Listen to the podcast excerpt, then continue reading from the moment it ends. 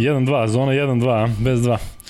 Dobar dan i dobrodošli u još jedan podcast sa Kuzmom i sa Lukom, broj 15, ili tako Kuzma? Da, već 15. Ili koji ti je saigrač nosio 15? Najbolje nisam je od 1 do 14. A, Ja. Da. Koji ti je saigrač nosio broj 15? A, Željko Topalović. Eto ti Željko da, da, Topalović, je jesi, jesi bio na Zlataru kod njega, nisi? Jesam, naravno, Jeste, a? naravno, da. Davno, Ja mislim da će jedna emisija se pravi sada o svima nama, baš ćemo tamo da je napravimo. Misliš naš podcast, ja, a ja ne znam ili ovako? A, ne, emisija o BFC-u, što je nekom palo na pamet da Da, napravi. pričali smo. Da. Kuzma, uh, E, ali Burna ne nedelja. iscrpljamo sve brojeve, znaš, OKK Beograd ima i 16 i sledeći će biti ovaj broj Sad koji sam imao. brojeve 99. Sad, da, ali govorimo o našem detinstvu i o Da. mladosti i o svemu ostalom. Nije bilo više od 4 do 15. da, ispucali smo ovaj, sad evo još sledeća emisija. Kuzma, kako si ti? Dobro, nije loš. Celu noć gledao NFL, Celu noć spavao. da. Čvrsto. Super Bowl je bio, moramo da ga pomenemo, bar zašto je to najveći Ako događaj moramo. ikada. Moramo, moramo, zato što je Vanja tu, Vanja je ono, jedan od uh, glavnih uh, superbolista u Srbiji. Vanja, bilo to dobro, ajde reci ti profi, a? Svi smo bili budni, svi smo danas umorni, ali reci mi, evo, iskreno, ja ću ovaj, da pokažem da li je da ili ne, jel ti se čini da je veći hype bio oko nastupa na poluvremenu? Pa jeste, kažem ti, vi kad pogledaš na YouTube-u, mnogo više e, je gledanije to, mnogo je gledanije to što su nastupali Dre, Eminem, Kuzma, pomozi mi dalje, ko je još nastupao? Uh, Joe, Fred, Fred. Bill. Ove, u svakom slučaju dobar je bio nastup, nosili smo sve na sport klubu i zaista ove, ceo svet u jednom trenutku stao. I nisam znao da se rade tizeri za reklame. Da oni, ne znam, ne, pazi ovo, pošto su reklame milijardu milijardi e, tokom To znam da su najskuplje, da. i onda oni prave tizere dve nedelje, znači najavljuje ti reklamu koju ćeš Da videti vidiš tada i ono, znači full. I pritom, znaš šta sam ja ovaj, provalio da sad je bio neki klip gde kao koji su poznati uh, likovi tu. Shaq, LeBron, Drake, Kanye West i još njih 26 što su vjerojatno neki tiktokeri, toktikeri, Je bila neka srpska reklama, nije bilo. Nije, nego kažem ti Ove da vidiš godine, ekipu. ove godine nije. Pita mene sin, ko je ovo? Rekao, sine, nemam pojma, ono, znaš, 13 godina ima možda. Kaže, ko je ovo?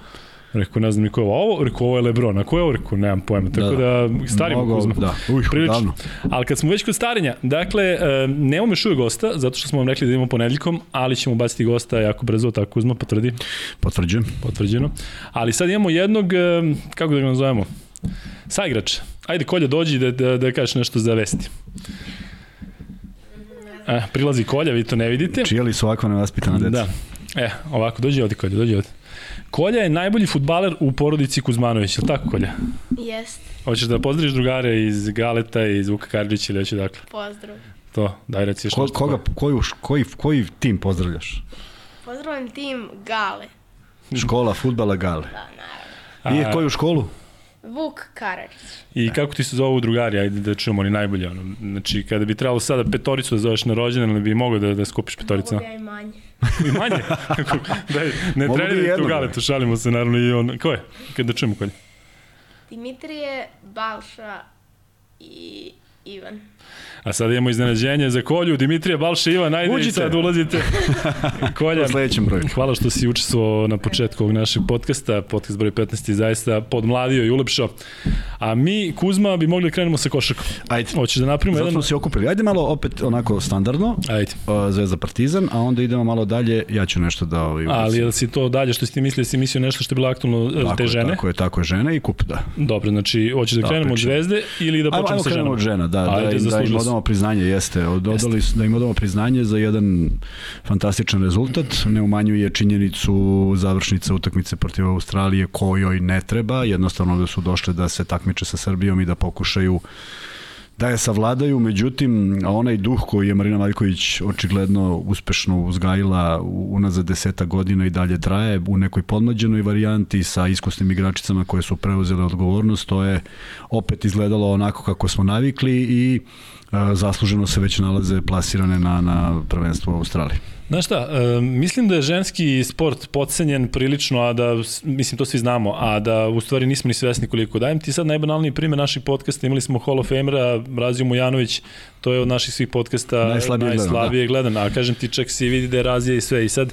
ne mogu da kažem da li bih ja, recimo da sad ja gledam neki košarkaški podcast, da li bih kliknuo da je Razija tu, a ne da je nešto drugo ili ne znam, ali kažem ti generalno ove devojke su opet, opet izgradile i neki kult reprezentacije i svoje ime zato što zaista već, već jako dugo igraju na visokom nivou. U onom periodu kada si ti bio u Savezu, to je, ti zaista deluje, kao što deluje nama sa strane, da to zaista funkcioniše kao jedna dobra priča gde Marina Maljković ima sistem koji funkcioniše. Tako je, i taj sistem je ona implementirala u Partizanu. Ja sam tih godina i pratio kako je igrala i šta je radila u okviru sad mogu kažem da li Evrolige ili Evrokupa, ne mogu da se setim, ali to je bilo poprilično slično ome što igra reprezentacija. Jednostavno, sve te igračice je navikla na jedan određeni ritam, na jedan određene zahteve, koji, od kojih ne odustaje i mislim da je mnogo ne zanima ko se kako zove ako to na terenu funkcioniše i e, vrlo, vrlo uspešno e, radi jednu neverovatnu stvar s obzirom da na moju veliku žalost, verovatno na, na, na žalost mnogih zaljubljenika u košarku, ženska košarka a, ne mogu da kažem da ne postoji, ali ni približno ne postoji na nivou a, reprezentacija protiv kojih se Srbija sastaje. Dakle, ima ovde entuzijasta, ljudi koji dalje pomažu ženskoj košarci, ima igračica, u krajnjem slučaju od nekud i nastaju, nažalost one odlaze vrlo brzo, ali a, a, a, to nešto što je postavila i to neko poverenje koje je dobila pre svega njenih igračica očigledno je uzajamno. Uh, Videli smo ih mnogo puta na pobedničkom postolju, evo pravi još jednu divnu priču i zaista sva podrška, a uz nadu da će neko možda obratiti malo pažnju pa pomoći i taj ženski sport, žensku košarku, da ne bude toliki, tolika različitost i toliki disparitet u odnosu na, na sve ovo što radi muška košarka da. koja ipak kudi kamo ima i više takmičenja i, i negde je bolje pozicionirana. Ali Kuzma, ti znaš da čak i muška košarka nije profitabilan sport. Nije ništa profesionalan sport, ali... Znaš, treba da, da očekuješ pare od nekoga koji će, ko će da pita, pa čekaj, ili imam ja bar nešto od toga. Ja razumem ljude koji, koji jednostavno izbegavaju da uložu to zato što jednostavno nije održivo. Ti kada pogledaš WNBA ligu, to zaista nije gledano. Tu igraju najbolji igračice na svetu i meni je žao što se između ostalog naravno ovo što se desilo Kobe zato što on koliko se pričalo imao planove da da žensku da košarku to, da. da i zbog ćerke i jednostavno tu se verovatno pronašao ima čak četiri ćerke ova Điđi koja je poginula sa njim je bila super talentovana, tako da, um, znaš, WNBA, gde je stvarno fantastičan sistem, evo ja sam recimo, radili smo naravno sve mečeve ovih kvalifikacija, Belgija, Porto Riko, Belgija je pritom jedna od najboljih reprezentacija na svetu, Evropski, sa Mesamen, sa Meseman, sa još nekoliko sjajnih igrača, igraju atraktivnu, dobru, modernu košarku. Protiv Porto Rika i Jurnjava dobile su 30 razlika, 30 razlike, protiv Rusije, znaš koja je utakmica za negledanje? Znači, Ruskinje ne mogu daju koš. I kako ti onda da priučiš, pazite, ruska reprezentacija, znači država Rusija poslala, ne, nije najboljih 12, ova jedna je falila, jedna nije došla, ali e, znaš šta hoću kratko da, da ti kažem, da, da, mi, da mi je najviše zasmetalo što je politika i korona su mešali i sport i to je. Znaš što priča između Rusije i Amerike? Ne. E, Ruskinje su vakcinisane ruskom vakcinom i nisu im dali da igraju da na turniru tako, u Vašingtonu da, da. i onda je kao FIBA rekla ajde onda pobodi vama i njima, a ovi sad pazi, Belgenki, Portorikanki moraju da idu u Santo Domingo. Znaš, da li je moguće da, da i tu... Sve je ovaj, moguće. Pa mi, mislim, kažem da. ti, baš, baš je previše. Znam da ovaj moj apel, znaš, da daješ ti mnogo razumnih tu, tu nekih ovaj, činjenica, ali prosto a, ipak, je, ipak smo uživali u ženskoj košarci dugi niz godina, doduše zaista pre 30 40 godina kad je to bila jedna velika država, pa je zaista i bilo a, mnogo klubova iz kojih su pot, potekle te reprezentativke koje su donosile najbolje rezultate i, i u, u pre, pre 90-ih. Međutim, opet zamisli sada da nije se pojavila Melina Marković, Maljković u tom u toj nekoj želji, u tom nekom entuzijazmu, pitanje kako bi se to uopšte odvijelo. Dakle, ona je neko koji je uspela da održi taj kult reprezentacije i da na taj način indirektan da. pomogne malo klubovima, što je već samo po sebi dobra stvar. Ali prosto da ne preterujemo, ne mislim da treba da bude 24 lige, ali da postoji jedna liga Just. u kojoj ipak ima neka i te devojke da imaju neku sigurnost i da ne rade to za džabe. Ne znam koliki su, kakvi su uslovi, ali vjerojatno neka stipendija ili nešto što, što sada trenutno postoji. Dakle, da ipak mogu da se posvete jer oni njihov košarkaški vek je za nijansu kraći, počinju ranije, vrlo brzo su bivaju ubačene u vatru, ali ako žele da se ostvare i kao majke, onda zaista pravi veliki problem da traju kao i muškarci. Jako bitan faktor. Jedna devojka Naravno. iz reprezentacije mi je pričala o tome i rekla, mene dečko pita kada ćemo da postanemo roditelji, a da. ja imam karijeru. Da. Jedno je kad je muškarac košarkaš, pa veliki znaš, problem. i onda, znaš, ono pita 26, 27 godina, znaš, nije da sada je to ne znam kakva granica, ali, znaš, treba sad zaraditi u prajmu sam, opet sam kao u nekim, ona kaže, citiram, najboljim godinama za rađanje. Ima tu mnogo, mnogo Apsolutno. stvari i mnogo mesta za razumevanje. Pa, e, da, Znaš. i u tom smislu razumeti i pomoći. Tako dakle, to je, tako to je. Jel imaš još nešto osi Ne, osim, devojka? ne, ne, divna, Dakle, divna čestitke. stvar, divna stvar, da, sve, sve čestitke i naravno uh, opet, uh, znaš kako to kod nas ide, s obzirom da su već obezbedile plasman, sad se tu čeka i medalja, bit će to Da. ozbiljan posao Jeste. koji je pred njima, prema tome za sada samo toliko. Ali zaista, evo za kraj, e, sve mečeve koje smo pratili e, na stranu, evo ovaj koji sam dao kao primjer između Rusije i Belgije, dakle svi mečevi koji su bili u Beogradu, i ove dve grupe, su zaista bili sjajni. Odlično, Kina tako je, kida, tako znači ja tako nisam je. mogu da poverujem kako Kina kida. Pazi, u jednom trenutku 13 od 19 za 3. Radio sam ih protiv Nigerije, Nigerija korektna selekcija, kineskinje razvaljuju i onda pobede, pobede francuskinje sa 33 pojena razlike. Francuskinje nisu u full sastavu, ali Sve su jedno treba i francuskinje. tako je, tako je. Tako da u Kini očigledno da se bolje igra ženska košarka nego muška. Elem, toliko što se tiče žena, uz sve čestitke našeg tandema Kuzma i Luka. Prelazimo Kuzma na šta? Daj, ti danas diktiraš ovaj... Ajmo idemo, Zvezdina, Zvezdina, čudesna pobeda protiv Kazanja. Zašto? Čudesno da su isprećeni sa već žalopojkama da je ovo gotovo, da nema više ništa. Izvini, ili ti se čini da Zvezda lakše dobija mečeve kada ih otpišu, nego kada se podrazumeva da će dobiju? I to je, i to je, i to je sad diskutabilno, znaš. Da. Da. Mislim, nije, nije sigurno da izađu u pionir pun u Aleksandar Nikolić halu opterećeni nečim. Mislim, želeli Da. su pobedu protiv Monaka i odigrali fantastično polovreme.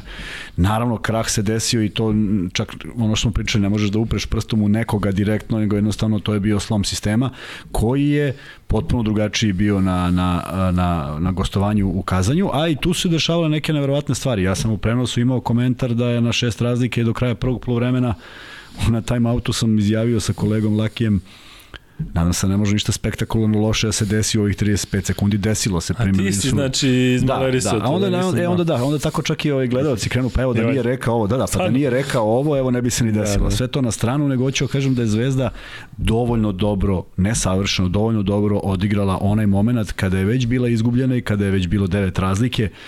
9-0 serija do kraja četvrtine, pa onda još dva poena, pošto je posed u poslednjoj četvrtini bio za zvezdu i odjednom jedna utakmica koja, u kojoj se tačno zna ko šta radi i naravno kad neko tako nešto i uradi i kad uradi celu ovakvu sezonu da se pojavi taj tračak sreće. Pa ako si gleda utakmicu ili možda nisi, Kalinić više nije znao ni šta sa snagom Da. da. protiv Džekirija i krenuo na neki ulaz, što bi treneri rekli na izlaz, nije uopšte išao ka košu.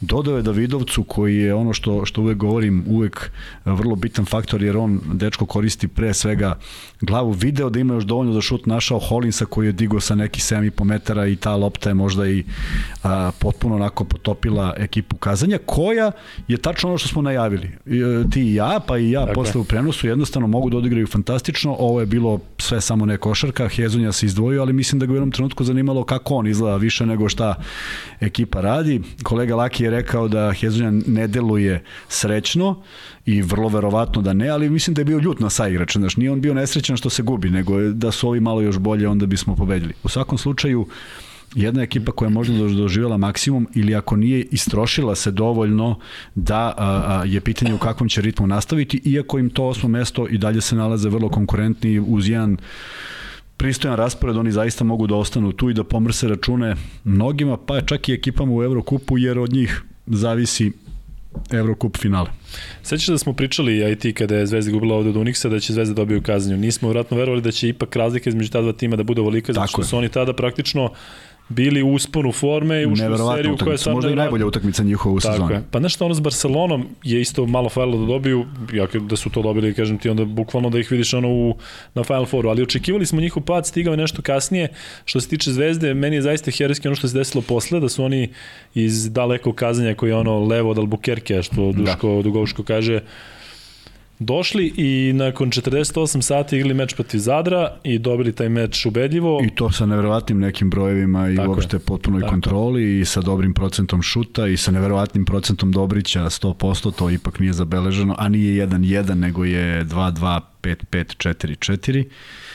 To se redko dešava i meni je drago kad tog momka vidim zato što, u, u takvoj formi zato što zaista mislim da mnogo toga zavisi od njega i, i kad otvori utakmicu i kada počne da pogađa to je onako drugačiji jedan Dobrić nego kada kada, kada uđe u neku lošiju seriju. Tako da ovo je bio jedan dobar stimulans, Kalinića nije bilo u ekipi, pojavio se Simonović, odlično odigrao, dakle Razvali. sada Radonjić može ipak da kombinuje, bi nije bilo Cirbesa, verovatno zbog te povrede koju je vukao još od utakmice, apropo onoga zašto se nije vratio na utakmicu protiv Monaka i Zvezda sada sa jedne dobre pozicije gleda jedno i drugo. Da li je moglo bolje, to je za apsolutno za analizu, ali sad dolaze utakmice kupa o kojem treba da popričamo posle Partizana, a ono što je vrlo bitno, idu na utakmicu Panatenikosu u sledećem kolu kada na to dođe red.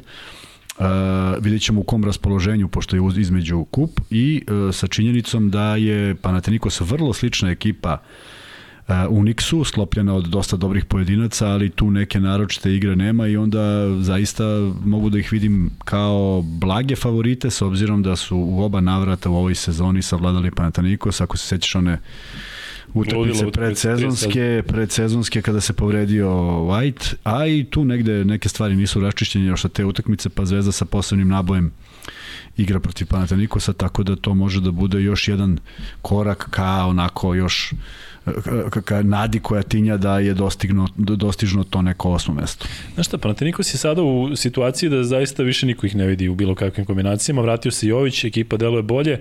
Mislim da, da će biti mnogo teže nego što ljudi očekuju. Znaš kolika je bila razlika sigurno, u Beogradu, sigurno, da. Zvezda pa... Panathinaikos kao Panathinaikos pretposlednji na tabeli i kao to mora da se dobije, međutim Panathinaikos je stvarno pokazao u posljednjih nekoliko mečeva da, da mogu da odigraju dobro. A opet igraju, igraju zato što imaju dovoljno dobre individualce. Nije to e, timska igra koju uh, opet neka glavna snaga zvezde je taj, taj timski duh i ta defanziva koja može da zaista promeni tok utakmice. Uh, uspjeće svi da se odmore, mislim da će biti dovoljno prostora za to i u okviru kupa, s obzirom da je nekoliko utakmica u nizu, moraće da se vaga ko igra koju utakmicu, ali o tom potom vidjet ćemo šta će biti uh, u kupu. U svakom slučaju Zvezda sada u ne istoj situaciji kao pred ona dva susreta u Beogradu, ali u jednoj opet dobroj situaciji, jer eto, Olimpijakos i Kazanj su možda kompenzovali, slažem se da nije identično, jer samo jedna od tih pobeda opet Zvezdu stavlja na, na korak bliže, ali uh, biti konkurentan do kraja, to je želja verovatno svih navijača Zvezde, iz uprave Zvezde žele to, tako da voleo bih da, da Zvezda zaista učini sve da do toga dođe. E, evo malo, dakle, tabela, da vidimo kako to izgleda. Barcelona, Real, Armani, Olimpijakos, Zenit, CSKA, Unix i Fenerbahče su trenutno na tim pozicijama koje vode u top 8. Fenerbahče ima 12-10. I onda slede Anadolu Efes za koji sam ja ubeđen da će igrati u play-offu i da će braniti titulu kroz uh, doigravanje. Oni imaju 12-12. Bayern 12-12, Monaco 12-13, nevjerojatan poraz Monaka protiv Žalgirisa da. koji pokazuje da u, u Euroligi sve je moguće. Tako je. Makabi 11-12 i onda Zvezda sa skorom 9-14. I stvarno sada opet kada vratimo malo film, da su tu recimo tri pobede više, a bilo je pet ili šest samo, utakmica samo dve, ajmo samo Zenit da, da, je, da. Da, je, da je tu eto, utakmica koja je faktički bila dobijena i to je već, već je to bliže. Da, sećaš jedna, se Efes, i, sećaš se utakmice ali, koje su ali, već bile... Tako je, ali e, šta je tu je? Mislim, e, ti momenti ljudi će zaboraviti i da je, i da je White pokušao prerano da se vrati i da je Stefan Marković tek došao po moj debi bio u okviru Evrolige. Dakle, nisu to načini kako se ulazi u neku sezonu, a jednostavno to je bila iznuđena situacija iz prostog razloga što nije bilo dovoljno igrača u, u sastavu, korona, povrede, sve što je vuklo od početka sezone i tu kad bi, e, e, uvek sam bio za analizu na kraju sezone, ne treba ništa seći, mislim da će se naći onako jedna dobra analiza koja će pokazati zaista na koliko je utakmica Crvena zvezda bila u punom sastavu. Što određuje ipak uh, tok Evrolige iz razloga što i sam si primetio, čim nema par nekih igrača koji mogu da povuku ili su bolesni ili su povređeni, to je potpuno drugačija ekipa. Prema tome, na zvezdu je to uticalo dosta dugi deo sezone uz izuzetno težak raspored. I mnogo mi se ne dopada taj raspored koji e, odigraju sa kazanjem 16. kolo i onda prvo kolo u, znaš, daj neki ritam da ipak znaš kako može da neku formu da. planiraš. Da. Na kraju krajeva desi se da neka ekipa odigra dve utakmice u momentu kada je ta ekipa u padu igračkom, a onda nalete protivnici koji imaju mnogo lakši posao ili teži posao u zavisnosti od kvaliteta tog sastava. U svakom slučaju, uh, Uh, volim da volim da da radim utakmicu kojima Zvezda pobeđuje, pobeđuje i prosto razloga ima šta da se kaže, ima šta da se vidi, ova utakmica je pokazala kako ipak mogu i da se da se jednostavno svi svi nadaju da Zvezda može još do nekoliko pobeda koje će da budu blizu tog top 8. Vratit ćemo se na Zvezdu zbog kupa, ali sada pređemo da. na Partizan i na Evrokup. Da. Partizan je odigrao fenomenalno protiv Andore. Da li možda, ako ne najbolje, jedna od najboljih utakmica Partizana? Jedna od najboljih, konstantna, od početka, bez padova, uh, u momentima kada se lomilo, prelomilo se, uh, bitni neki šutevi pogođeni i onda od jednog takvog pražnjenja dođe dođe utakmica protiv FNP-a koji uopšte nije uh, naivna ekipa, negde su ih svi svrstavali mlada, pa da li će tako nešto, oni su jako dobro krenuli, stekli samopouzdanje, tako da je Partizan zaista dobio dve ozbiljne utakmice, čime pokazuje da su neke stvari u, u, unutar kluba u smislu adaptacije na ono što traži Željko Bradović napokon uh, legle. I uh, šteta je što je poraz od što je utakmica protiv Juventuda došla u tom momentu zato što sad zaista te dve pobede predstavljaju veliki veliki ne, ne mogu kažem nedostižno, sve je dostižno, ali opet imaju u istom, u istom broju pobeda imaju loši skor, jel tako? Da, dakle, da. moraju pobede jednu Just. više od Juventuda, što je jako teško. Ne delo izvodljivo. Tako da. je, ali uh, bez obzira na to ne treba ništa pre, uh, ne treba jednostavno zanemariti činjenicu da treba biti što bolje plasiran da bi se dobio lakši protivnik prednost kod kuće i to je jedino, to je najvažniji cilj. Šta će biti u samom razigravanju? Uh, Da li treba vagati, da li bi bilo moguće da se vaga, ne znam, nisam pratio tabele, ali znam kad, kad god je to neko pokušao, uvek da. ispalo nešto naopako, tako da verujem da Obradović od svojih momaka traži isključivo pobede, isključivo fokus na igru, da izbegavaju te neke greške koje su se ponavljale, iskreno mislio sam da će manje pre, pre da ih odstrane nego što se to desilo, ali uh, osim tog jednog iznenađenja da su izgubili, ako je iznenađenje izgubiti od Mege, nema tu nešto mnogo, mnogo velikih padova u, u ovom dosadašnjem delu sezone, ti porazi u Evrokupu, pa nije niko računao zaista da će Partizan da sastavi ekipu i da se prošeta kroz tu prvu fazu. Ali ti deluje da su ti problemi odstranjeni o kojima pričaš ili je to faza, odnosno to je sad proces? Pa to je proces, da... tako je, da. E sada, znaš, ima, ima, ima uspano pada, ima negde da igrač fokusiran, fokusiran, pod jednom to pukne. Međutim, mislim, video si onaj, onaj banalan moment kada Madar daje trojku, a ostaje još vremena, znaš, naravno da Željko Obradović ne dozvoljava to, moraš tako. da vidiš da li je neko u kontri, mogu da padne koš, mogu, možda bude koš odluke, dakle, e, prosto, e, a verujem da mu je pao kamen sa srca, pogodivši to, odlaze na veliku razliku, dakle, sve se poklopilo, ali prosto, a, a, a kad imate takvog trenera i kad imate takav cilj kakav Partizan ima, onda prosto sve mora da funkcioniše i onda njegova reakcija bude neprimerena, a u stvari mora bude jedna, jedna vaspitna da to ne radi više, jer imam, moram odmah jednu anegdotu, Ajde. igrao je taj Dante Jones, fantastičan igrač, pričali smo već o njemu i on je igrao u Apolonu iz Patre i odradio je jedan neverovatnu kontru, kako se zvao Stak iz Arisa, ne mogu setim kako se zove, nije važno, Stak, Apolon, plav, neki onako fizički strahovito jak i njih dvojicu trčali u kontru. Sličan meni to hoće da kažeš. Pa ne baš podsjeća sada kada bolje dobro. razmislim. E, Dante se zaleteo, ovaj mu se nekako podvukao u kretnji i uspeo je malo levom rukom da mu se osloni o rame. Tako da izgledalo da ono što je leteo, da je leteo još malo duže. Ne. Zakucao je skoro pa da ne veruješ da si video to i naravno na vrlo tipičan način proslavljao pobedu iz, zakucavanje iznad koša, iza koša. Sevnula je kontra, isti taj stak je zakucao na drugu stranu.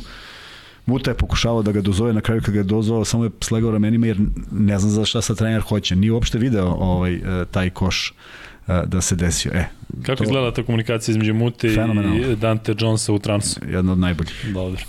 To je neprepričivo. Ljubazni su ja bih bili, pokušao, ali nije, nije, nije lako za prepričati. Kuzma, kratko bih još o Partizanu. E, prvo, Partizan je dobio Andeoru sa 95-70. Ista ta Andora je nekoliko dana pre toga pobedila Juventud u Endesa ligi, a pre toga su pobedili Real na gostovanju. Dakle, Andora je ozbiljna ekipa što je pokazala i u Evrokupu i u prvom meču protiv Partizana. Partizan je to dobio ubedljivo. E sada, E, povezao bih taj meč, povezao bih recimo meč onaj koji je ostao pečatli Partizan protiv Turk Telekom u Beogradu i recimo ovo sinu što se desilo između Zvezde i Zadra. E, da li si pristalica toga da se igra maksimalno do kraja, a ne da ti sada se malo opustiš? Da li je to pravo poštovanje protivnika? A ne da ga ti sada pustiš i da, ne znam, tapkaš loptu. Po, sve znaš da kada uđe u poslednji minut i kao rešeno je po ovaj tapka, po ovaj tapka. Da li je pravo poštovanje protivnika ti od prvog do poslednjeg minuta daš sve od sebe? Pa ne tapka ti u pravom smislu reči, ali ako je već pobeda osigurana, naravno ne glupirati se, ali igrati nešto dovoljno smisleno da, da protekne vreme. Ne treba da se neko povredi, jer to je ono, ono što je najgore. Ono što, ono što gledamo unazad uh, i zašto je, zašto je bitno odigrati svaku utakmicu. Uh, Zvezda već godina, godinama igra, igra, igra tu Euroligu. Ne kažem da su tu, da je isti broj igrača tu, ali neki igrači su konstantno tu. Pogledaj njihov, njihov nastup u, u Jadranskoj ligi, koliko je to lakše igrati Naravno. defanzivno i svakako i odjednom kao da igraš neku, neku nešto što ti prije, tako? Euroliga, utakmica protiv Armanija kao jedna od posljednjih je zaista sve samo ne fizički lak. Ne kažem da postoji lak, ali velika je razlika kada ti tako igraš iz godine u godinu, koju ti snagu dobijaš, koju sigurnost, kako možeš da, da, da funkcionišeš protiv ljudi koji igraju za nijansu slabije, slabije ili sporije. Tako da sve to je jedno iskustvo koje treba eksploatisati. Dakle, svaku utakmicu koju možeš odigrati maksimalno. Postoji sigurno igrač koji je 12. na klupi koji može da odigra tih 5 minuta u njegovom maksimumu da nadomesti onoga koji izlazi da odmori, ali onda on mora da svoj, on u krajnjem slučaju mora se nametne svom treneru, je tako? Jer e, nijedno mesto nikada nije bilo zagarantovano što se što gledamo i u, i u stvarnom životu. Mislim gledamo kad gledamo bilo koju utakmicu. Prema tome, e, samo će doći onaj moment kada, kada će se poklopiti utakmice u kojoj treba zaista doneti neku odluku. Znajući i Radonjića i Obradovića, ići će se 100% na prvu, pa, pa 100% da. na drugu, jer zaista odrediti koja je u tom trenutku važnija nije ni malo lako. Hoćemo da pređemo na kup, nastavljamo priču i o Zvezdi Partizanu. Ajde, Ti da. imaš nešto pre toga? Sam... Pa ne, ne, hteo sam samo da pređemo na kup, ne, ovaj, da pričamo o jednom takmičenju koje je zaista bilo uvek e, specifično, E, bio sam dosta mali kada sam počeo da pratim futbal. Pa mi je taj kup kupova delova onako impozantno, onda sam malo kasnije, kad sam već malo znao neke stvari, shvatio da to najslabije takmičenje bilo iz prostog razloga što je kup mogao da uzme neko ko se, ko uz malo sreće i znanja uspeo da se prošeta i do, do samog kraja i tako, tako da se takve stvari dešavale i u jugoslovenskoj i u srpskoj košarci, unazad ne toliko često, ali bilo je momenata kada IMT osvojio kup u momentu kad je ispao iz lige. Dakle, nije bio loše plasiran, ali prosto savladao, ja mislim, jugoplastiku u tom finalu potpuno neočekivano. Elem, zašto sam setio kupa? Zašto imam par stvari nevezano za, za domaći kup. Imao sam tu čast i privilegiju da ga osvojim dva puta u dresu budućnosti. Lažem, jednom u dresu budućnosti. Da, Lagati Kuzma, da, da, gubimo moram, subscribere. Jednom, evo, već, već je palo. Pa, jednom u dresu budućnosti. I ovaj, uh, i nekoliko puta na korak kod protiv Partizana u Kraljevu šutnuo sam posljednju loptu za, za plasman na, ovaj, na kup, zavrtela se na obruču. Bilo ti razlike za Partizan, nije bio šut za pobedu, ali sam uspeo da šutnem. promašio? Promašio, nažalost. Sa Vanja posle ovi seci, ovi Kuzmine promašaj, kaže ti, ono, ljudi, trebaju nam bre ljudi, bre, nema promašaj. Ali da poslije pričam kako sam dao jedan koš. Ovaj, a u Kraljevu je taj obruč levo, svi oni koji znaju u Kraljevo bio malo kriv, pa tako zbog toga je i izašla. E, ta utakmica je bila specifična, pošto smo igrali, govorim sad o Beočinu, igrali smo zaista jednu strašnu utakmicu protiv izuzetno jake ekipe Partizana i nekako smo stalno bili tu i mislim da smo u jednom momentu vodili, ušao je Vladimir Petrović, kojeg možda ti poznaješ bolje, jer on, da, mlađi. Popularni, tako. Da, da ne kažem kakav mu je nadimak, ali isticao se za kucavanjem ozbiljnim. E. Kasnije u Grčkoj, on ima i neko grčko tako ime. Je, tako da. je, tako je. E, neka, on, je, on je bio klinac koji je ušao, mora neko da nešto promeni i naravno naša taktika je bila da ipak ako neko može da šutne, to ne budu Berić ili već neko koji je ko je e, poznat kao dobar šuter, on je šutno, videli smo da je prejaka, već smo je videli u rukama, lopta je pala tačno na sedlo. Uštopovala se i upala u koš, što nas je potpuno razvalilo, jurili smo Partizan do samog kraja i kažemo ostalo je tih tri poena. E, ima jedan kup koji nisam osvojio, to je onaj čuveni kup, naravno čuveni za nas starije, e, 92. godine Partizan OKK Beograd u Srenskoj Mitrovici kada je OKK Beograd pobedio, ja sam bio u sastavu koji je kvalifikovao OKH Beograd i bio sam čak jedan od zapaženijih, ali tamo nisam išao zbog povrede noge. Na, stavili su mi gips, ali nije bilo potrebe, tako da sam u suštini samo propustio kup bez ikakvog razloga. Ko je bio tad pored Radović u OKH? Radović, Bogosavljev i, i, i, i, i Nikolić, mislim, da. zaista ono, trojac i zvezde, tu je bio Lazović na mestu četvorke, jedan prilično dobar igrač. Uh, Hmm, Vićentić igrao s polja, Kocić mislim da je bio, Rajko Žižić pokojni bio trener. Znaš, bila je to onako jedna stvarno, ali veliko iznenađenje, baš onako šok za sistem i velika stvar, žao mi je. E, to je odredilo moju karijeru, da smo osvojili taj kup, verujem da ne bi išao iz OKK Beograda, a ovako smo ga osvojili, a ja sam onda, ovaj, pošto nisam bio deo toga i nisam to osetio na pravi način, bilo mi je mnogo lakše da napravim neki korak. I najveći biser vezano za kup, a radi se o belgijskom kupu, dva, dva su bisera.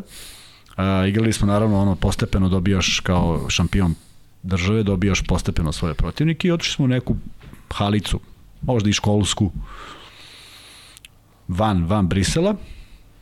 Zagrevali smo se, počele utakmice, ja sam pogledao na semafor i video da stoji 20-0. I mi smo dali koš i pisalo je 22. I mi smo dali drugi koš i pisalo, ja kažem što ne isprave ovaj semafor.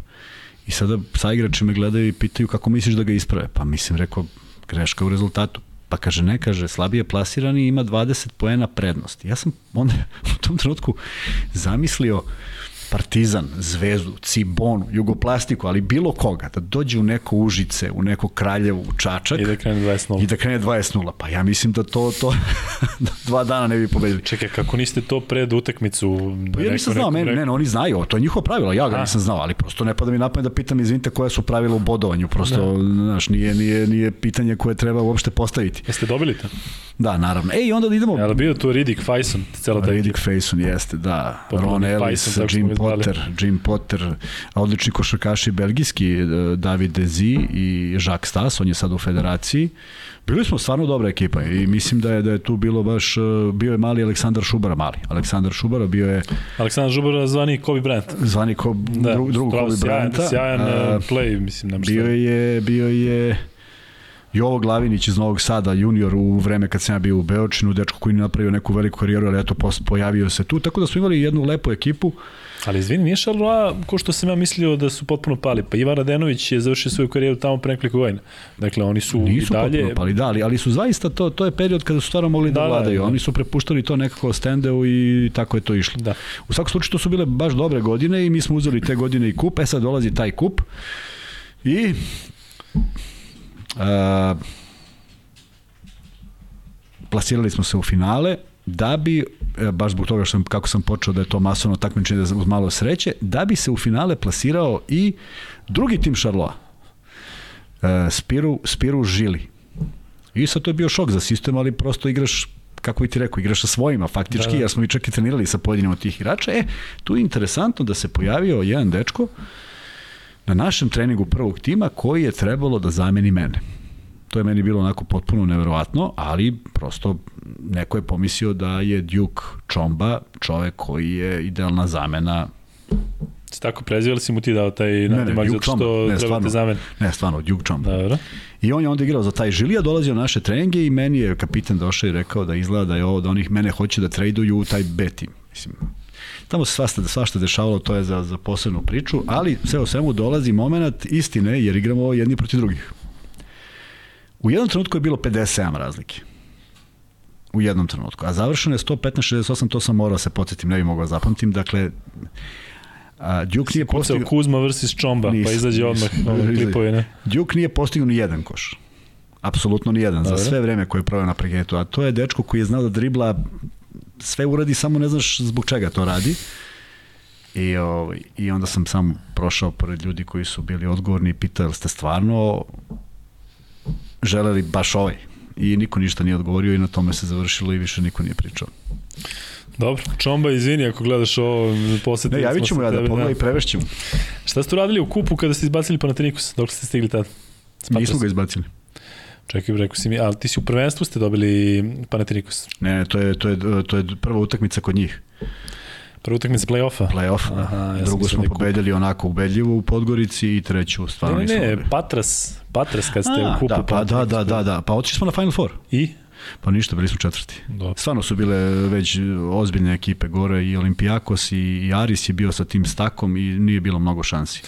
Trebalo da, da Ali smo obezbedili, Final Four je bio kada naš. kažeš, bilo, išli smo na Final Four, tačno, Tako je, išli smo na Final Four i, i lepo se proveli. Kuzma, da se vratimo našem kupu. Da li pozdravljaš Ajde. ideju da se tradicionalno igra u Nišu? Ne baš. Ne. Ne baš, pa mislim aj malo da se vršac ponovo vrati u neku žižu interesovanja, da malo se animiraju ljudi tamo, ajmo malo... Jel funkcioniše hala Milenijum? Da li Ja mislim da da, mislim da radi, ali Da, da vršac tamo igra. mislim, kao I da ne radi, mislim da bi bilo zgodno da radi. Da. E, to je spektakl za svaki grad, apsolutno. Ima Kruševac lepu dvoranu, ima tu dvorana koje mogu da, da, da, da zamene. Zašto ne prošarati, ne kažem da mora stalno negde, ali prosto malo, malo živne taj grad, živne to mesto, nešto se dešava u tom gradu. Nemam ništa protiv ništa, daleko od toga, dobri su organizatori i to funkcioniše, ali prosto sa nekog aspekta ne može svako da dođe u Niš, tako? Znači, ne, ne može baš mnogo ljudi da se prebaci i da gleda, a ima uslova i u drugim mestima. Uh, Kraljevo ima sada fantastičnu dvoranu za deseta godina koja je pravila neke takve događaje. U svakom slučaju na Savezu je da odluči, ali gledat ćemo opet jedan vrlo interesantan Izvini, ali slažeš se da nije potrebno da bude u Beogradu nikada? Ne mora, ne mora, apsolutno. Pa ima toliko košarke da stvarno nije i u ostalom i reprezentacija uglavnom igra ovde, a i to bi i to su u određeno vreme pravili po manjim mestima, pa smo gledali u Zrenjaninu uh, utakmice i to onda uh, mi ne možemo da shvatimo kako izgleda to uzbuđenje u tim mestima kada se nešto dešava. Što manje, to je još veće ludilo. Tako da uh, svakako podržavam da se malo malo nešto drugo organizuje i po drugim mestima čisto da ljudi se sete da postoji košarka. Je li moguće da bude neko drugo finale osim Partizana i Zvezde? A, moguće, to su momenti inspiracije, gledamo ekipe koje će koje su možda negde bazirale svoju formu, želju, a, redko se dešava da da prođe to bez jednog iznenađenja. A, ja uvek nekako navijam za, za te male da naprave neki da neki proboj da nešto urade a, mislim da su male šanse zato što je ipak ovo o čemu pričamo ipak igrati jedno to takmičenje daje jednu jednu određenu sigurnost. Treba mnogo da se pomuči, treba se prilagodiš na neki potpuno novi drugačiji sistem, a ne verujem da će kriterijum suđenja ići na ruku da kažem ekipama koje ne igraju Evropu, mislim prosto i to će biti sudije koje žele da se i pokažu pred tim auditorijumom da ih neko svrsta u sudije koje znaju, tako da vrlo verovatno da će kriterijum biti za, prilagođen tim ekipama što odma stvara manje probleme, ali e, lepo je vidjeti neko iznenađenje, lepo je vidjeti uh, uopšte ceo taj spektakl oko kupa, jer to jeste bilo i pogledaj e, digresija, ali pogledaj kakav, kako izgleda kup u Engleskoj, koliko je to praćeno, koliko je to da, popularno, da. koliko je to, pričaju o, o, o, da su dospeli u polufinale. Znaš, zato što to... popularišu mali, tako tamo je, su tako, mali opet tako, veći tako, nego naši mali. To je, tako da. Pa zato kažem, ne može to da se dostigne u košaci, nekad je možda i moglo, znaš, nekad je bilo tih nekih epizoda kada neko uđe i dođe, pa taj Apolon iz Patre, mi smo ušli iz lige, nismo bili projektovana ekipa za prvih 4, 5, 6, ali eto, naletali smo na Panathinaikos da. i odmah je to uh, u klubu bilo neverovatno, ali tako već jedan uspeh si napravio, a ništa, ništa da. nisi ni započeo, nije ni započela sezona. Tako da, zanima me kako će sve to proteći, naravno, favoriti kao i uvek Crvena zvezda i Partizan, vidjet ćemo da li će neko imati teži ili lakši put do, koliko sam shvatio, mogu da se sastanu samo u finalu, je tako? Eto, to je da ali ajde da uživamo u nekim dobrim partijama, da vidimo nešto novo, da vidimo neke ambiciozne trenere, da vidimo neke ambiciozne igrače koji žele da pokažu da im mesto nije tamo gde jesu, da žele jedan korak ispred, da vidimo nešto novo i mislim da da to tome i služi. Sad ide ta pauza u u, oko kupa, ne samo u Srbiji, nego svuda i svi tu pauzu vide kao pauzu da se malo i odmore. Da li misliš da će najbolji timovi tu sad, naravno pominjem i Partizan i Zvezdu, ali generalno dajem ti primjer Turske, tamo Fener i Efes već e, neko vreme onako m, nije im kup prioritet, odnosno hoću da kažem da jeste da su svi trofeji bitni, ali su ipak neki bitniji od drugih. Da li je kup e, možda stvarno pauza gde će biti dosta kalkulacije? Ne mislim sada na Partizan i Zvezdu, da. naravno da je negde to Partizan i Zvezda ovde. Negde možda jeste i ne zaboravi, ja mislim da su pravila drugačije, da ne mogu svi igrači da učestvuju u nacionalnom kupu, je tako? Tako je. Tako da tamo mora i onako i ovako da se e, formira drugačiji tim i onda naravno zašto ne izbaciti nekoga u žižu ko želi da se nametne i da bude upravo taj koji želi da igra Euroligu pa da pokaže kroz to takmičenje. Tako da tu ima različitih aspekata kako prići, ali kao osvajanje trofeja ne verujem da će iko da nešto prepusti slučaju. Mogu da izađu u ovom ili onom sastavu, ali to će biti nivo utakmica na život i smrt jer uh, ne igraš, ne igraš ovaj sport da bi bio neki. Da. Želiš da ga obeležiš nekim trofejom. Nekad je taj trofej vodio u taj kup kupova, sada više ne, ali to nije, nije ne umanjuje njegovu bitnost. Naročito što nosi uh, naziv jednog od najboljih evropskih igrača i u krajnjem slučaju ja sam igrao u tom kupu dok je postojao. Um, šta očekuješ od Partizana i Zvezde? Da li misliš da će ovo biti, naravno Zvezda je povedala Partizan u ABA ligi, ali ove godine je realno da imamo zaista mnogo mečeva između Zvezde i Partizana, uz dužno poštovanje svih u kupu i oni koji igraju ABA ligu ali se posebno ovde očekuje, kažem, svaka čast i CDVita Olimpiji i budućnosti, naravno i FNP-u i Megi, ima dobrih timova u ABA ligi, ali se ipak očekuje da finala bude između Zvezde i Partizana i to neko delo je realno. Posle imamo i KLS, delo da će biti na desetine utakmica između Zvezde i Partizana. KLS, da, je već preteran. Da, preteran po broju utakmica. Šta očekuješ, generalno, ti se čini možda, možda ja grešim, ali da postoji ove sezone možda neki onako veći respekt između ovih timova i moguće to da će da se, da se, da se izbriše na na prvoj utakmici, ali neko dolaskom Obradovića i on, čini mi se, evo, pohvalio je koliko puta Zvezdu i nekako Zvezda ima prema tome. Da li misliš da je realno da se bavimo mi samo sportskim dešavanjima? Da, pa ja, ja uvek o tome i pričam i stvarno izbegavam i ne pratim mahom ništa iza toga.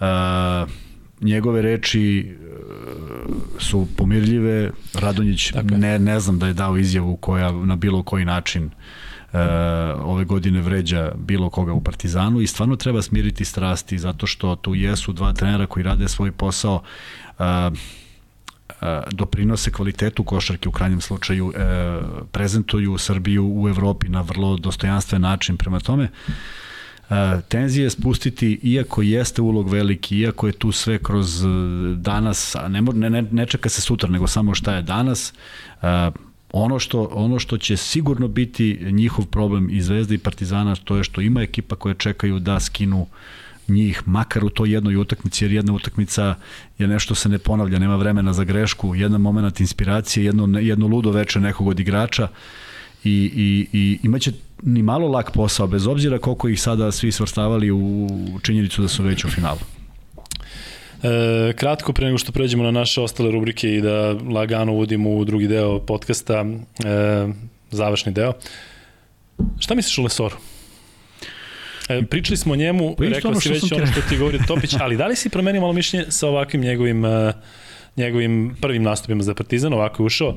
Meni se čini da me niko ne shvati pogrešno, ali nagledali smo se toga da Lesor ima tu energiju, Lesor ima jako dobru energiju i sve, ali mislim da nije realno da on igra u ovom ritmu um, do kraja prvenstva.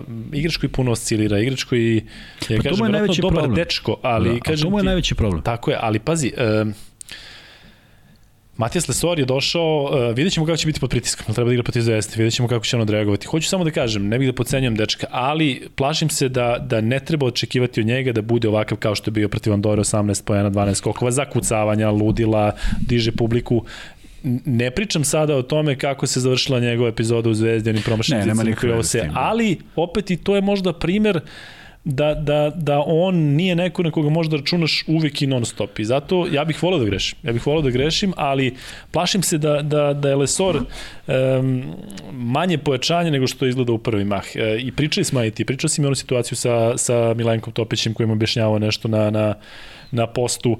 I e, kažem, meni će biti interesantno da vidim kako će se on e, ponašati kada bude igrao protiv Zvezde, gde ga neće dočekati sigurno kako treba. E sada, um, evo, vidjet ćemo možda već i u Nišu. Biće tamo naravno i puno i zvezdinih i partizanovih navijača, ali o, što se tiče partizana, um, da me opet ne shvati neko pogrešno, ali mnogo više bih volao da Balša Koprivica, Alen Smajlagić i ostali podignu svoj nivo tako i da je. možda um, da on bude tu neko ko treba da bude tako, tako. da oni sportski dođu u prvi plan. Vidi, ja mislim da ideja bila ta da kad već postoji potreba, postojala, zato što Alen Smajlegić je fantastičan i otvorio je sezonu mimo svih očekivanja. Ja sam ubeđen da i oni koji su verovali da je on neko ko može. Iz prostog razloga što on nema još jednu sezonu celu u nogama. Ne možeš da znaš kako čovjek funkcioniše dok, dok to ne vidiš. On je ovu sezonu otvorio, naravno da su počeli, počeli posle bolje da ga skautiraju i da ga drže. Onda dođe i do umora, ili tako, pošto nema mogućnosti za, za, za, za oporavak i onda se desio tu neki, neki pad. Ali ja mislim da u stvari Lesor treba bude taj koji će im pomoći da se oni vrate u normalu. Balša Koprivica, otac Slaviša Koprivica, otac Slaviša Koprivica nije nikakav garant za njegov, ali on ima neverovatan talent koji je prepoznat od Vlade Jovanovića, trenera Mege koji je bio sa U18. Kada sam ja bio u, u, u, u Savezu i kada smo na prvom treningu Uh, kada stručni štab, ja sam samo tu bio neko ko posmatra i pokušava da bude servis svemu tome, kada su rekli za sada jedini koji ide sigurno na evropsko prvenstvo, znamo, to je Balša Koprivica. Iz prostog razloga što su mu prepoznali tanat, ne zato što je on tamo donosio neku prevagu, jer mi moramo da prihvatimo činjenicu sada takmičarski, mnogo moćniji i Pecarski i Petrušev ja bih voleo da smo mi nacija koja će da pravi Balšu Koprivicu na evropskom prvenstvu, ali onda ćemo biti dočekani ovde streljački vod zašto nismo prvi. Tako da uh, on je dobijao minutažu koju je dobijao i on je imao taj problem što je igrao u, u neadekvatnim ligama u Americi, jer on je mnogo visok za svoje uh, saigrači, negde kada smo gledali te snimke delovalo je ko u Liliputu da se igra, a ne, ne, ne, ne u Americi. I u svakom slučaju dečko koji je mnogo napredovao i koji očigledno ti, ti po izrazu lica mu vidiš koliko on sluša, koliko želi da, da nauči, koliko je ljut na sebe. Takav isti i Dobrić u Zvezdi. Oni su ljuti na sebe kad nešto pogreše, ne prihvataju da je to sastavni deo igre, da to mora, ali ima jednog od najboljih učitelja prošli put smo rekli ako Vukčević i Koprivica i raznorazni i sinovi poznatih očeva prihvate da imaju svoje trenere i da samo njih slušaju, to je već neki put za uspeh. Zato Lesor treba bude zamena da odmori Smajlagića i Balšu Koprivicu. Ako iskoči u nekom momentu, zašto da ne? Tako da čak ni njemu ne treba davati uh, takav, takvu važnost da je on sad neko... Ne previše, tako je, tako zato što može da bude kontraproduktivno. Tako je, može da bude za njega samog da bude tako ako je on sad taj odgovoran. Prema tome, do sad je dobro funkcionisalo, nažalost, uh, utakmica ona koje, koje, koje je Partizan poražen, šutirao je ipak iza njega neverovatnih 16-4 slova bacanje, tako neki neki jako loš ovaj učinak, ali e, popravio i to, već je drugačije izdanje bilo, tako da biće tu uspona i padova jer on je sklon tome u krajnjem slučaju Ja verujem da od 100 završnica koje je odigrao za Zvezdu protiv budućnosti u 99 slučaja bi uzonu loptu i zakucao u koš, je li tako? Tako. Ali tada nije. Ta, e, to je to je nešto što što imaš ili nemaš i naravno da može da se koriguje, ali za sada mislim da su i u Partizanu zadovoljni i da je on doneo jednu svežinu, jednu eksplozivnost, jednu snagu u reket i time ga potpuno zatvorio. Kuzma, lagano ćemo preći u Ameriku i na NBA ligu, tu se obećavam ti nećemo dugo zadržati, ali za tebe imam jedno pitanje, hmm. možeš i kratko, koliko e, misliš da je dobro ili loše ili si neutralan kada je reč o mladim igračima, posebno centrima, zato što si pominjao e, Balšu i pominjao si Filipa Petruševa, koliko pozdravljaš da se ide u, na koleđu u Ameriku? Uh, ja to pozdravljam sa svakog aspekta ukoliko dete nije ekstra talent. Da me ne svati neko pogrešno, jako je teško roditi da to odredi, ali tako, ali uh, igrači koji su koji kojima je to više izlaz kroz školu nego košarku, apsolutno to pozdravljam u 160% slučajeva. Međutim dešavalo se da zaista takav put prave igrači koji imaju ipak ono nešto prepoznatljivo da ti vidiš da on posjeduje jedan kvalitet koji može da izleti iz okvira a, potrebnog za, za takav vid a, razvoja iz prostog razloga što ne postoji igrač koji se vratio iz, iz sa univerziteta, a da je bio prihvaćen kao čovek koji je odradio dobar posao na univerzitetu. Misliš da se vraćaju zato što nisu uspeli u NBA ligi, pa sad kao po ove povrate kao neka rebound varijanta? Uopšte ne znam, ka, u, u, ono, ono vreme mog odrastanja i moje, moje, moje košarke, uh, oni kao da nisu postojali, pošto je jako Jasne. malo informacije išlo i onda kao odjednom, u, pa gde je on? Pa evo, četvrtu godinu završio ne može da ne zna ništa, mislim, može da ima svoje neke limite, ali nekako su svi oni bili uh, uh, na neki način zaboravljeni. I Zoki Jovanović je otišao na koleđ. Tako I, I imao fantastičnu karijeru na ozbiljnom koleđu. Dakle, dok se nije tamo, povredio. Tako I kad se povredio bio potpuno nepoznanice, kao da niko nije znao da je postoje. Tako. Jednom najprestižnijih u to vreme. E, a on se vratio kao težak centar, a otišao kao krilo. Da. Znači mu je, kažu da je ličio na Kukoča, da je bio Mrša, Mršić i da mu se to sve što se izdešalo naravno uticalo na karijeru. A, veliki broj igrača je odlazio tražeći tu da put redko ko se vratio. Vrate se u neku košarku koja to prihvata. Na primjer, mnogo je bilo lakše Nemcu da ode na koleđ da se vrati u Nemačku jer to je bio stil košarke kakav se tražio. A, ako se opredele za to, ja sam apsolutno i podržavam da se deca školuju i da završe neke, neku stvari, neke stvari u životu, jer mali broj njih će zaista napraviti tu ekstra karijeru od koje će moći da živi. A oni koji to mogu moraju biti prepoznati da naprave tu grešku. Dobro, znači kao da si spremao ovaj odgovor, a znam da sam te iznenadio. Pa zato možda nisam si spao. Negde, zato si nisam negde. spao. Da. E, svaki odgovor. Ove, ne znam koliko je pametan, ali imam. E, reci mi, da ostanemo u Americi, pošto govoriš pametnim odgovorima, kako, koji ti se najviše trade dopada u NBA-u? Uh, 96. ne, ne, ne, ne, ne, se, naravno, znam da me zezaš, Kuzma, ali ne, ovaj... bilo je trejdova, ali ukratko ono što sam ja priželjkivao da Denver uradi nešto, Denver nije uradio ništa, Amerikanci su očekivali da LA Lakers i New York Knicks i kao slabi timovi urade nešto, ništa nisu trejdovali, ništa nisu nisu uradili, ali dobro, u centru pažnje je taj uh, odlazak Simonsa, e, ne samo Simonsa, već i Karija i Dramonda u Brooklyn, Harden je otišao u Filadelfiju, vidjet ćemo kako će to izgledati pre svega posle All-Star pauze, neće verovatno niko njih debitovati ranije, bar mi se tako čini. Elem, Porzingis je otišao od Dončića, Dončić je odmah krenuo da je 51 poen, 45, 45 poena, ali ono čemu sam ja hteo da, da pričam sa Tomom Kuzma, e, dakle, New, York, New Yorkčani su razočarani zato što New York Knicks nisu napravili ni jedan pravi trade. A ljudi iz Los Angelesa se kako zovu? Oni su isto razočarani. Baš sam razmišljao toga. Pa jezeraši razočarani. Los Aranđelovčani. Da, u svakom slučaju, dobro, ta NBA liga nekako je potpuno u, u, u senci Superbola, meni je žao da to priznam Vanja, ali sam upravo ja. Ti deluje da NBA više nije ni blizu onog što je bio, a da, da NHL i NFL rastu što se tiče naših tržišta. Ima naravno i razlog zašto i ko prenosi, ali generalno ne sećam se da je bio ovakav hype za NFL ranije. Jel grešim? Kod nas? Uvek, a? Dobro.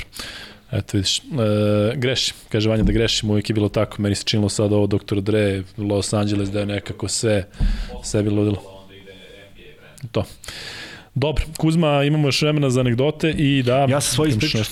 Da, je tako četvrti put za redom, zato smo ja imali onaj prekid. tri smo se pokačali zbog anegdota. A ti što imaš manje toplih priča, šta ja da radim?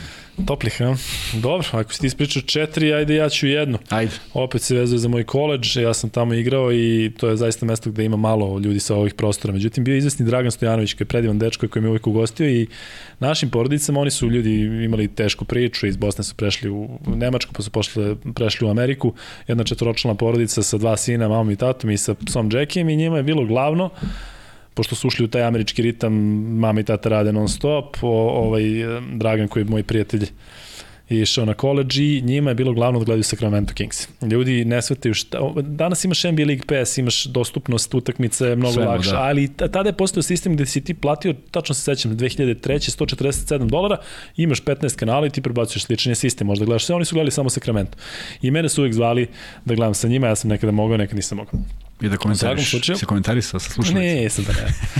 Ove, ovaj, ali kažem ti, bilo onako onih pravih naših komentara. Ja rekao, Iverson nije loš, čuješ sada ovog, nažalost, pokojnog Draganovog tatu, koji kaže, šta, kakva zvezda? Pa 3 od 32, sad ja treba njemu da objašnjam da je on naš ipak superstar, sve kao 3 od 32 šutno što je moguće.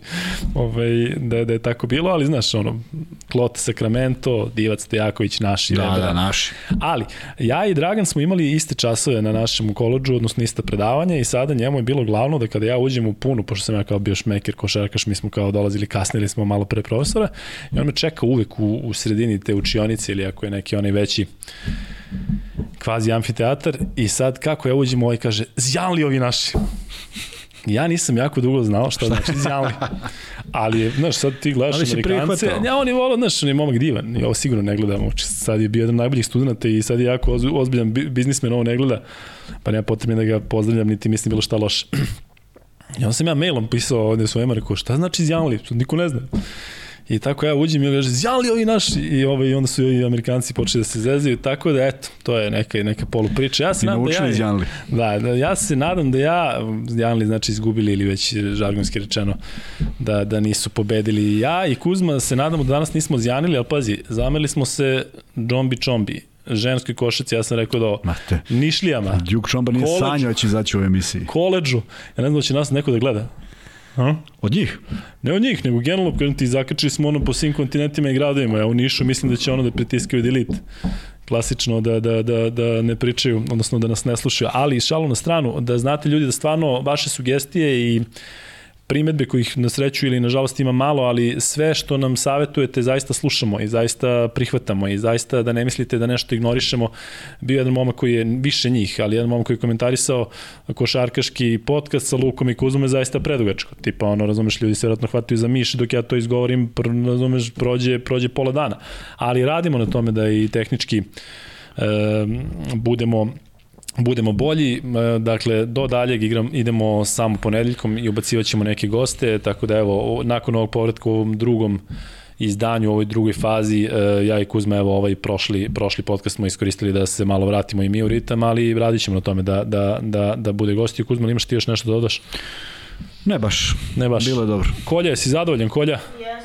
I Kolja Kolja je zadovoljan. Eto, tako da znate. E, toliko što se tiče ovog 15. izdanja košarkaškog podcasta sa Kuzmom i sa Lukom. Pratite nas i dalje i to je to, pa se vidimo u ponedljak.